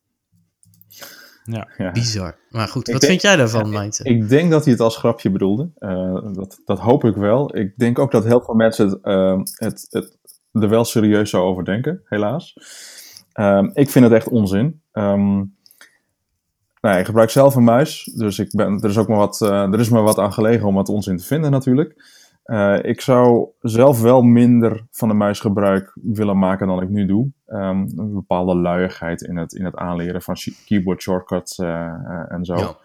Ja. Um, maar in het, in het, algemeen, ik, ik vind het zo'n onzin om zo'n zo'n één enkel gebruiksdingetje als, als metriek voor je mate van professionaliteit of, of de, de, de mate van je skills te pakken. Dat is, je, kun, je ja. kunt ook zo'n discussie hebben over die zie je ook nog wel eens een keertje uh, voorbij komen. Die gaat misschien wat minder viral, maar oh, als je een IDE gebruikt, dan ben je blijkbaar geen echte, geen echte developer, weet je wel. Hè? Je moet alles op, de, oh, ja. alles op de command line en Vim gebruiken. Of, Vim, ja. Vim is dan al te geavanceerd, dan moet je VI doen of zoiets. Dat, dat, dat, dat, dat, Maar ik moet zeggen, mijn IDE zorgt ervoor juist dat ik de muis minder gebruik. Dus dat is dan wel een beetje tegenstrijdig eigenlijk, als we die twee ja. metrics... Uh, ja, naast elkaar leggen. Ja. Want eh, ik moet zeggen, ik voel me altijd echt de koning van, uh, van de apenrots uh, als, uh, als ik gewoon met mijn toetsenbord only alle shortcuts aan het uitvoeren ben en de, gewoon door mijn hele project heen aan na navigeren ben. Dat,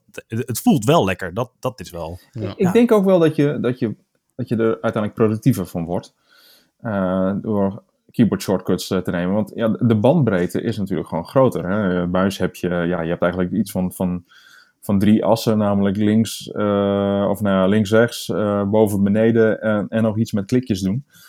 Uh, en en, en dat, is, dat is alle informatie die, je die je op die manier naar de computer kunt overbrengen om, om iets te gaan doen. En met een keyboard, ja, ja je, hebt, je hebt gelijk natuurlijk veel meer toetsen. Je hebt gelijk, als je een beetje, zeker als je tienvingerig kunt typen, je hebt, je hebt gelijk tien, tien vingers waar je wat mee kunt doen. dus kun je veel meer combinaties zo, onder je, zo mee maken. Dus het is wel logisch dat je daar productiever mee kunt worden. Maar ja, je moet wel investeren om al die keyboard shortcuts te kennen. En je IDE moet er goed op voorbereid zijn dat, die, dat, dat er inderdaad ook alles mee kan. Via keyboard shortcuts, et cetera. Ja, ik, ik, kwam een tijdje geleden, een collega van mij attendeerde mij erop. Uh, ik gebruik zelf IntelliJ, uh, of in ieder geval RubyMine in mijn geval. Um, en er is dus een plugin die je kunt installeren. En dan als je heel vaak met je muis door bepaalde minuutjes heen gaat en bepaalde dingen aanklikt, dan suggereert hij na een keer of vijf van: hey, wist je dat er hier ook een shortcut voor is? Ja, het is geniaal. Ja, dat is een hele goede inderdaad, ja. Het was echt van: oh my. Ja. Ja, ja dat is ook, het is, met, dat is met van AI, hè? Soort met van machine ja, ja. Ja, maar dat is ook een beetje, het, het, refereert ook een beetje naar het voorbeeld die je gaf uh, hè, uh, over bij de Belastingdienst. Dat uh, als je een natuurlijk persoon bijvoorbeeld ergens gebruikt, dat die dan jou adviseert, als het ware. Ja, ja het is gewoon assistentie van, van ja. hey, ik zie dat je, ik zie dat je hiermee bezig bent en steeds hetzelfde doet. nou, hier komt een suggestie om dat, om dat wat productiever of wat sneller te kunnen doen. Ja, precies. Nou, mooi. Ja. Hey, eh, trouwens, nog even terugkomend. Het is uh, Oshell op Twitter, of underscore Oshell. Ah. Hij gaat uiteraard in de show notes. Um, hij heeft uh, de eerste tweet, de originele tweet. If you call yourself a developer and use a mouse for editing code, I just assume you're a junior. Dat was zijn letterlijke quote. um, hij, uh, ja, hij zegt daar later over, I made a stupid post and I apologize. Dus hij, hij, had het toch wel echt serieus, uh, serieus bedoeld. Oh, Oké, okay, interessant. Oh. Ja. ja. Ja, ik, moest, ja, ik dacht echt wel in het begin dat dit moet een grapje zijn, weet je wel. Uh, ja, ja ik, ik, ik zag ook gewoon een paar mensen. Ik, ik dacht ook Saber, dacht ik uh, gewoon even echt serieus erop reageren. En toen dacht ik ineens van, hè, wat, wat, wat? Is het nou echt? Wat bedoelt hij nou? En, uh, en toen, toen zag ik ook op een gegeven moment, volgens mij was jij dat, Johnny, die, die een tweetje stuurde, of tenminste een retweet deed, van iemand die had dan vier muizen aan zijn, aan zijn uh, laptop ja. gehangen. ja, ja, ja. Nou goed, het moet wel gezegd, hij heeft netjes zijn excuses aangeboden. Ja, dus uh, nou dat, goed, dat, dat dan weer wel. Ja, dat maar, is wel weer goed de rent van de week uh, zit er weer. Uh, ja, die zit er weer op, hè? Zolang we nou, kunnen lachen, dan. Juist, ja. En uh, ja, ook voor de volgende aflevering, mocht je er eentje willen tippen, ja, graag. Zeker. Dan, ja, dan kunnen we hem weer gebruiken en dan kunnen we hem weer lekker toepassen. Je kan, hem, je kan hem tippen via Twitter. At Codeklets. Het is weer tijd voor onze volgende thema. Tja. Hij, ja. Dat is fout, hè, dit. Nou, we hebben uh, vorige week ook een hele leuke, uh, ja, een leuke, een leuk gedeelte gehad in, uh, in onze podcast. dat was de developer dilemma's. En ja, het leek ons wel leuk om dit weer een keertje te doen. En misschien ook dan, ja, ook in dit geval Mijnte even zijn mening daarin te laten vragen. Um, nou, ik weet niet of je het kent toevallig, Mijnte. developer dilemma's. wat is het? Developerdilemma's.com of zo? Correct. Ja, ken ik nog niet. Oké, okay, nou zou je eens een keer moeten doen. Dat is wel leuk. Dan, kan, dan krijg je twee uh, opties. En het is de bedoeling dat je toch echt, echt, het moet, het moet, het moet gewoon, je moet één van ze kiezen. Dus, Oké. Okay. Uh, geen, geen flauwe antwoorden van ja, depends en bla bla. Nee, je moet gewoon eentje kiezen. Yes? Ja. Nou, ben, ben je er klaar voor, Mijnte? Uh, nee, maar ja. ja, je moet kiezen. Ja, Precies. ja. Ja, oké. Okay. Nou, dan komt hij. Uh, een monolith of microservices? Ja, je maakt gelijk maar moeilijk. Um, It depends. nou, dat, dat altijd. So ja, heel goed. In software altijd. Um, maar laten we maar voor de microservices gaan. Oké. Okay. Ja. Oké. Okay. Nou, en... We hadden het net over Twitter, hè? Ik had ook nog een tweetje gevonden. Ik zal hem er ook even straks onder plaatsen. Uh, die kreeg ik getipt van uh, Bart de Water trouwens, uh, een vorige gast uit de, uit de podcast. Um, en dat was iemand die zei: The longer I'm in tech, the more I'm convinced microservices were a technical solution to an organizational problem. die heb ik al inderdaad ook gezien. Um, Wat denken we daarvan? Ja, ik, ik ben er wel mee eens. Ik ben er ook zeker wel mee eens, ja. Ja, ja denken we dat de, de, ja, de, de, kwaliteit van de code een afspiegeling is van de kwaliteit van de organisatie? Of willen we het niet zo ver trekken? Nou, dat is toch Brooks Law, dat, dat uiteindelijk, ik weet niet meer de quote precies, maar uh, dat uiteindelijk elk stuk software of de architectuur van elk stof, stuk software een afspiegeling is van de organisatie die die, die software heeft voortgebracht. Ja, ja precies. Uh, dus da ja, daarom was mijn antwoord ook net van microservices in plaats van monolith. Want uh, probeer eerst maar eens microservices. Als dat niet lukt, dan heb je waarschijnlijk um, uh, een, een ander probleem, of misschien wel een groter probleem dan, dan alleen een beetje het maken van je software. En ik denk ook dat je met microservices daar wat sneller, wat harder achter komt dan als je een monolith gaat proberen te bouwen.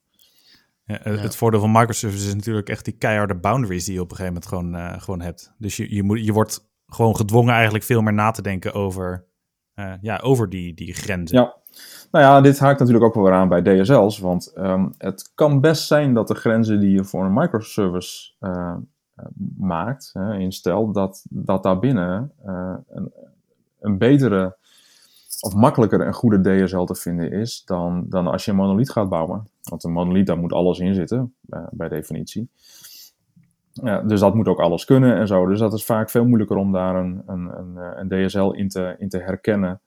Uh, en, een, en, een goede, en een goede eruit te, te, te, filteren of te extraheren als het ware. Terwijl als je, als je kijkt naar één ding, ja, dan, heb je toch iets meer kans om daar, een, om daar eerder een, een DSL in te herkennen. Als die er ook daadwerkelijk in zit. En dan uh, hebben we gelijk een bruggetje naar de, eigenlijk de tweede developer dilemma. Want dat komt wel goed uit dat je microservices dan toch als, uh, uh, ja, als, als favoriet kiest. Ja, Want, deze, deze ga je echt leuk vinden, Mijnte. Ja, oh. zeker. Monorepo of multiple repo? Kiesje, heb jij die uitgezocht? Speciaal voor jou. mono, ehm, zonder twijfel. Ja, kun je uitleggen waarom? Um, nou, heel, heel veel pijnlijke ervaringen met multi-repo gehad. En, uh, en, en, bij voortduringen eigenlijk. Elke, elke keer dat mensen weer, uh, ja, we moeten wel vooral in, meerdere repo's stoppen. Eigenlijk is dat, um, het is wel grappig, want het is een beetje tegengesteld natuurlijk aan, aan microservices. Want ja, een, een monorepo is helemaal niet micro. Mm -hmm. um, ja. Maar juist bij een repo vind ik dat um, begin maar eens een keertje met alles gewoon bij elkaar houden. Uh, als, het, als het op een gegeven moment duidelijk wordt dat het echt zin heeft om, om dingen af te gaan splitsen, uh, splits dan nog een keer af. Um, maar tot die tijd hou het alsjeblieft gewoon bij elkaar en uh, zorg dat je, uh, dat je met z'n allen in één grote codebase kunt, kunt gaan bewegen. Ja. Ja, ik weet nog wel dat we ook bij Mendix, hè, daar was er heel veel discussie over. Ik vond dat echt een hele goede beslissing dat we dat gedaan hebben. Want een van de belangrijkste dingen wat ons elke keer tegenhield was, uh, hè, van, uh, als je dan aan een story werkt met verschillende teams, hè, dus een stuk of een feature, laat ik het even zo noemen. ja, dan blijft het elke keer met de integraties tussen die verschillende repo's ellende. En uh, dat gaat je dan op een gegeven moment vertragen. En ik kan me nog ook wel herinneren dat Michel, volgens mij toen de tijd, hè, Michel Westraten, die toen uh, bij ons in het team zat, uh, dat hij zei dat het echt een verademing was. Want ja, je werkt gewoon aan één story en het zijn gewoon verschillende componenten of verschillende, ja, hè, nou, laten we het even componenten noemen. en dan is gewoon zo heerlijk dat je dat in one go gewoon lekker kan committen. En dan ook onder die story number of feature number. En, uh, en, uh, en, en, dan ook gelijk geïntegreerd kan testen, lokaal, uh, dat soort dingen. Dus ja, ik denk dat dat wel een hele goede move is geweest. Ja. Maakten, je, maakten jullie dan ook gebruik van Git subtree of submodules of zo? Of hoe, hoe... Ik geloof in de model server wel, hè? geloof ik, toch? Ja, ja. ja, en oorspronkelijk dus in de, in de webmodeler ook, maar dat, dat is er op een gegeven moment uitgegaan. Ja. En ehm, je weet trouwens wat, hoe submodules ook wel genoemd worden, hè? SAP modules, als in uh, huilmodules. Oh. Oh, ja. Wacht even, wacht even. ja, ja, ja, die is wel van toepassing. Ja. Die was echt van toepassing. Ja. Oké.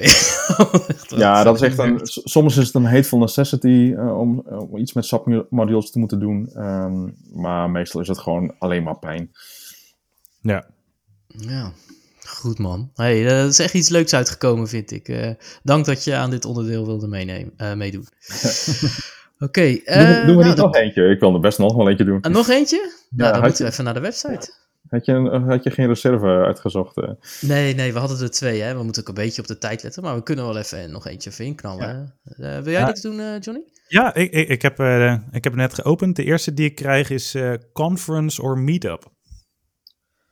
Ik ben wel benieuwd, uh, Mijnte.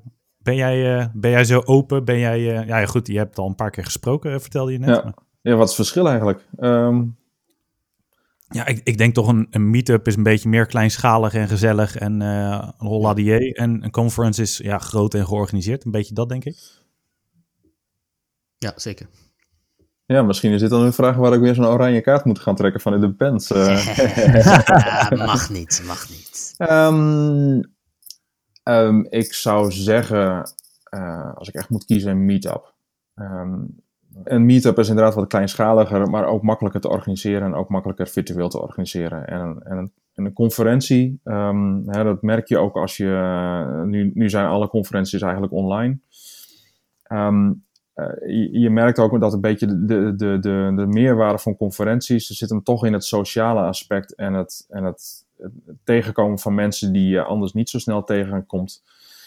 Um, en dat is bij een online conferentie uh, toch best wel weg op het moment. En bij een meetup is dat gewoon, juist omdat het kleinschaliger is, gewoon wat makkelijker te organiseren. Dat je dat, je dat soort momenten wel hebt. Um, hè, dat je, dat, je moet het explicieter organiseren, maar dat is bij een meetup ook gewoon beter te doen, heb ik het idee.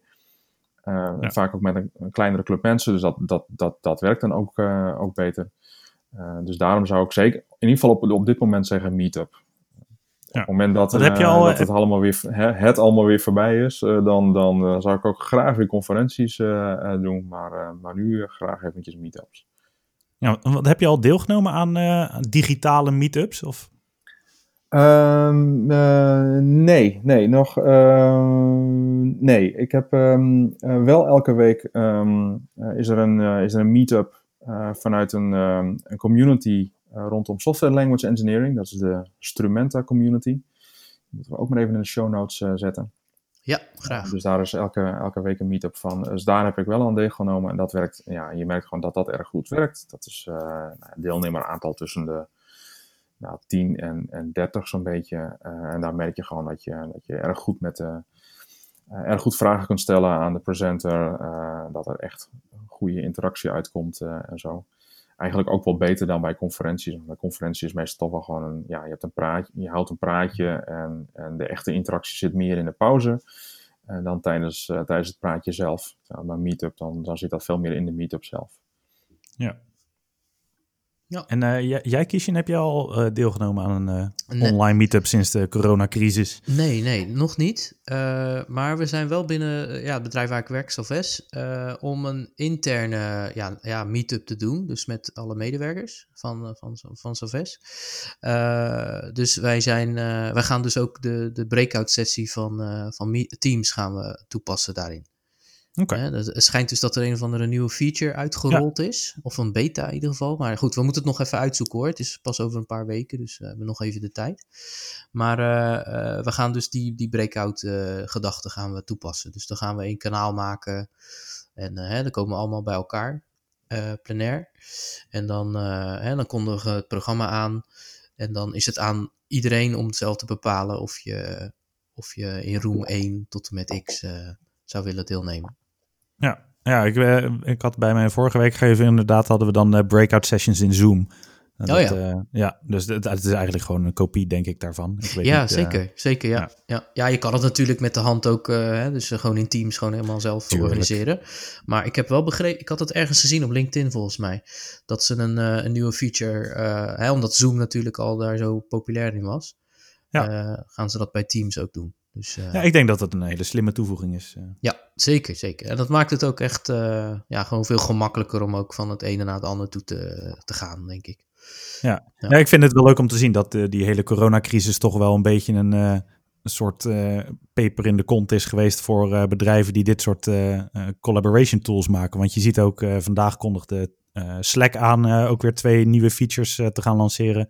Uh, ze gaan uh, bijvoorbeeld een soort uh, voice chat gaan ze implementeren. Dus oh. à la Discord. Dus dat je voice channels hebt. Nou goed, er zijn ook een aantal losse applicaties voor heel populair geworden de laatste tijd. Ja. En er was nog iets wat ze ja, gingen, gingen introduceren. En ja, ik vind het wel leuk om te zien dat echt die... Um, die, die, die coronacrisis een enorme vlucht laat nemen in, in die softwareontwikkeling van dit soort tooling. Ja, en ik denk ook wel in bredere zin. Um, in hoe mensen met elkaar samenwerken. Want dat wordt, dat wordt heel erg gefaciliteerd door software uiteraard. maar uiteindelijk zijn het wel de mensen zelf en de bedrijven zelf die, die ook daadwerkelijk um, moeten willen veranderen. En nu moeten ze natuurlijk wel. Dus dat, dat, is een, dat is een goede zet in de, in de goede richting. ik vind het wel heel fijn om te zien dat, dat bijvoorbeeld dingen als thuiswerken dat er nu veel meer over nagedacht uh, wordt. Uh, dat, nou ja, je, moet je moet het aan de ene kant wel doen, maar aan de andere kant, ehm, het wordt dus ook veel beter gefaciliteerd door de bedrijven zelf. wat je voorheen nog wel eens een keertje had van, ja, je moet maar gewoon op kantoor zijn. Ja. Is, ehm, ehm, nou ja, de managers die dat riepen, die riepen nu als eerste van, ja, maar dan, dan, moet je wel thuis gaan werken hoor. Dat, het werk moet gewoon doorgaan. Dus. Ja, precies. Ja, ja, ja. ja. Ja, ik vind, ook dat, ik vind het ook prettiger of zo. Uh, want uh, ik ben ook wat dat betreft beter in mijn time management. Dus uh, hè, gewoon het idee dat iemand even je aandacht nodig heeft en dat hij dan eerst even een berichtje stuurt, weet je wel, die je dan zelf kiest om te lezen of niet. En dan daarna pas door te gaan. kijk, voor het is even persoonlijk hoor. Het kan zijn dat, dat anderen dat minder prettig vinden. Maar voor mij werkt het in ieder geval wel lekker, moet ik zeggen. Nou, hartstikke mooi. Uh, nou goed, we zijn weer toe aan het volgende en uh, tevens ook het laatste onderdeel. Uh, dat is eigenlijk de goodies. ja, dat is niet, misschien niet elke aflevering, maar we proberen het natuurlijk wel zoveel mogelijk. Maar we willen even bij, bij dit onderdeel even stilstaan bij Manning. Manning, ja, heel erg bedankt dat wij ja, namens Manning ook uh, Mijnt ook in de show hebben gekregen. Hè, die heeft ons getipt van, uh, hey, is het misschien leuk om eens uh, Mijnte uit te nodigen? En dat is het zeker, want het is heel erg interessant geweest, het onderwerp rondom model-driven development of engineering. Um, en Manning, die wilde ook als bedankje, ja, eigenlijk alle podcast-luisteraars 35% discountcode afleveren. En dat geldt ook echt voor alle producten die ze hebben op de Manning-website, ook in alle formaten. Dus uh, mocht je geïnteresseerd zijn, uh, ja, kom, kom naar onze Slack channel, eh, DM een van ons en ja, we delen de code uit. dus ik zou ook snel zijn, want het, het is twee maanden geldig, heb ik begrepen. dus ja, meld je aan. En ja, de Slack kanaal die staat natuurlijk in onze codeklets.nl website. Uh, en daarnaast hebben ze ook een, uh, een, leuke actie. Uh, en ik denk dat we daar natuurlijk ook Mijnte heel blij mee gaan maken. Is om ja, meer lezers hè, van zijn boek te krijgen. En dat heeft hij natuurlijk al heel veel. Maar om daar nog meer op te krikken. Manning geeft ook vier gratis e-books codes weg. En uh, hè, dus dan kan je met die code kan je de Domain Specific Languages Made Easy uh, van Mijnte kan je dan uh, downloaden. En, en uiteraard zijn we nieuwsgierig wat je ervan vindt. En ja, kom ook graag terug bij de Slack channel om je kennis en ervaring te delen. Het zou ook leuk zijn als misschien Mijnte ook ons joint. wellicht krijg je ook nog wel een leuke vraag van, van, van de luisteraars. Dus dan kunnen we deze vibe nog een beetje door, doorpakken. Dus uh, ja, en hoe je die kan winnen, nou, daar hebben we wel even over nagedacht, hè, Johnny? Ja, ja, ja, we gaan dat natuurlijk niet zomaar. Uh, nee, dat moet echt uit. uitdelen. Ja, dat moet Iedereen krijgt wel 35% korting, maar wil je 100% korting op het boek van mij, dan moet je er wel wat voor doen, natuurlijk. Um, en ja, we hebben uh, sinds een aantal afleveringen nu vijf hosts. En deze vraag gaat eigenlijk vrij specifiek over een van de hosts. en dat is Pauline in dit geval. En uh, ja, ze heeft in het verleden, bij aflevering 1 was ze te gast. Ze is al een aantal keer als host ook, uh, heeft ze deelgenomen. Uh, ze zit ook op Slack. maar eigenlijk de vraag die wij willen stellen aan de luisteraars is... Um, in welk land heeft Pauline vorig jaar gewerkt? Inmiddels is ze weer terug in Nederland. Maar vorig jaar heeft ze in het buitenland een tijdje gewerkt. En wij willen graag van jou horen welk land dat dan was. dit kun je vinden. Ik ga verder niet vertellen hoe natuurlijk, maar het is, uh, het is zeker te vindbaar. Um, en ja, ook weer via het Slack-kanaal uh, kun, je dat, uh, ja, kun je dat aan ons doorgeven. En dan inderdaad, als je een van de allereerste vijf bent, dan krijg je een code waarmee je het boek van Mijnt kunt bestellen. Super. Super, hè? Nou, helemaal goed. Hey, hartstikke bedankt, Mijnte, dat je ja, deze elfde aflevering van uh, de Code Klets podcast aanwezig kon zijn. Um, Ja, nog wel een belangrijk vraagje, Mijnte. De, de status van het boek, wat, wat is dat? Kunnen we het al lezen? Kunnen we het, kunnen we het, ja, we kunnen het gratis krijgen, dat is duidelijk. Maar hoe, hoe gaat dat in zijn werk hier? Uh, nou, je kunt de eerste zes hoofdstukken al lezen. Uh, het is namelijk in, uh, in voorpublicatie, of zoals dat bij Manning heet, het Manning Early Access Program, de MEEP. Um, um, dat kun je vinden via de, de, de website van, van Manning inderdaad. Um, en het is de bedoeling om in voorjaar, komend voorjaar klaar te zijn. Dus dan, dan gaat het, als, als het goed is, naar de drukker en is het, is het helemaal af. Nou, mooi. Nou, dan kunnen we het als ik het goed begrijp, voorjaar zeg je dus. Ja, oké. Ja, voorjaar. Dat is dan net niet, voor, uh, niet met de kerst helaas, maar goed, dat... Uh... Nee, dat ga ik niet redden, ben ik bang. Uh. Ah, ja, oké. Okay. Nou, hartstikke goed, dankjewel voor het delen ervan. Nou, ja, nogmaals bedankt voor het aanwezig zijn. En ja, en Johnny natuurlijk. Hè, ik vond het leuk om deze podcast samen met jou op te nemen. Ja, dus, ja, is het nou de eerste keer zonder Saber, of niet? Ja, dat denk ik wel, ja. Ik probeerde een beetje zijn zwoele stem erin te houden, maar het is volgens mij een beetje mislukt. Nou, je hebt nog een kans bij de outro. Oké, nou goed. nou, dat was hem weer. nee, nee. Hey, jongens, uh, hartstikke bedankt. Uh, zoals ik al zei, dit, uh, ja, we gaan naar de outro. zoals altijd, ja, zoals we altijd zeggen we dat je, hè, dat je je altijd kan abonneren bij ons. Uh, doe dat vooral in je favoriete podcastspeler. Uh, Spotify, uh, iTunes. Ja, mis ik iets? Nee, het is niet iTunes tegenwoordig. Hè? Het is Music. Apple Music. Ja. Ehm, ja, zoek ons ook op op, op codeklets.nl. en wil je met ons gaan babbelen? Ja, graag gekoppeld Slack kanaal. Daar hebben we ook een speciale link voor gemaakt. En uh, ja, het gemakkelijkste is inderdaad gewoon om via die codeklets.nl te gaan en daar alle linkjes te vinden en je favoriete spelers te selecteren. Ja. en op de website staat de link naar Slack bovenaan. Hè? Is hij niet zo verstopt meer, dus dat is wel, dat is wel oh, ja. beter. Dat is zeker beter, ja. Nou, goed, mooi. En ik heb ook begrepen dat de site gegenereerd is. Kijk, gek genoeg staat er in de gegenereerde site uh, handige links van ons allemaal. Dus dat is mooi. Dus, uh, dus het is helemaal geautomatiseerd blijkbaar. Ja, helemaal mooi joh. Heb je en, daar een belletje uh, voor gebruikt?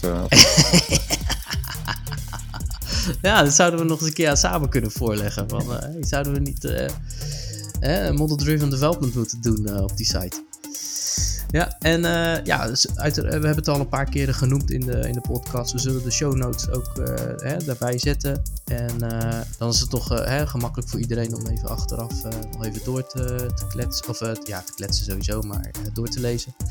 En natuurlijk zitten wij ook op Twitter. We hebben een Instagram-account. Op LinkedIn ook tegenwoordig, heb ik begrepen.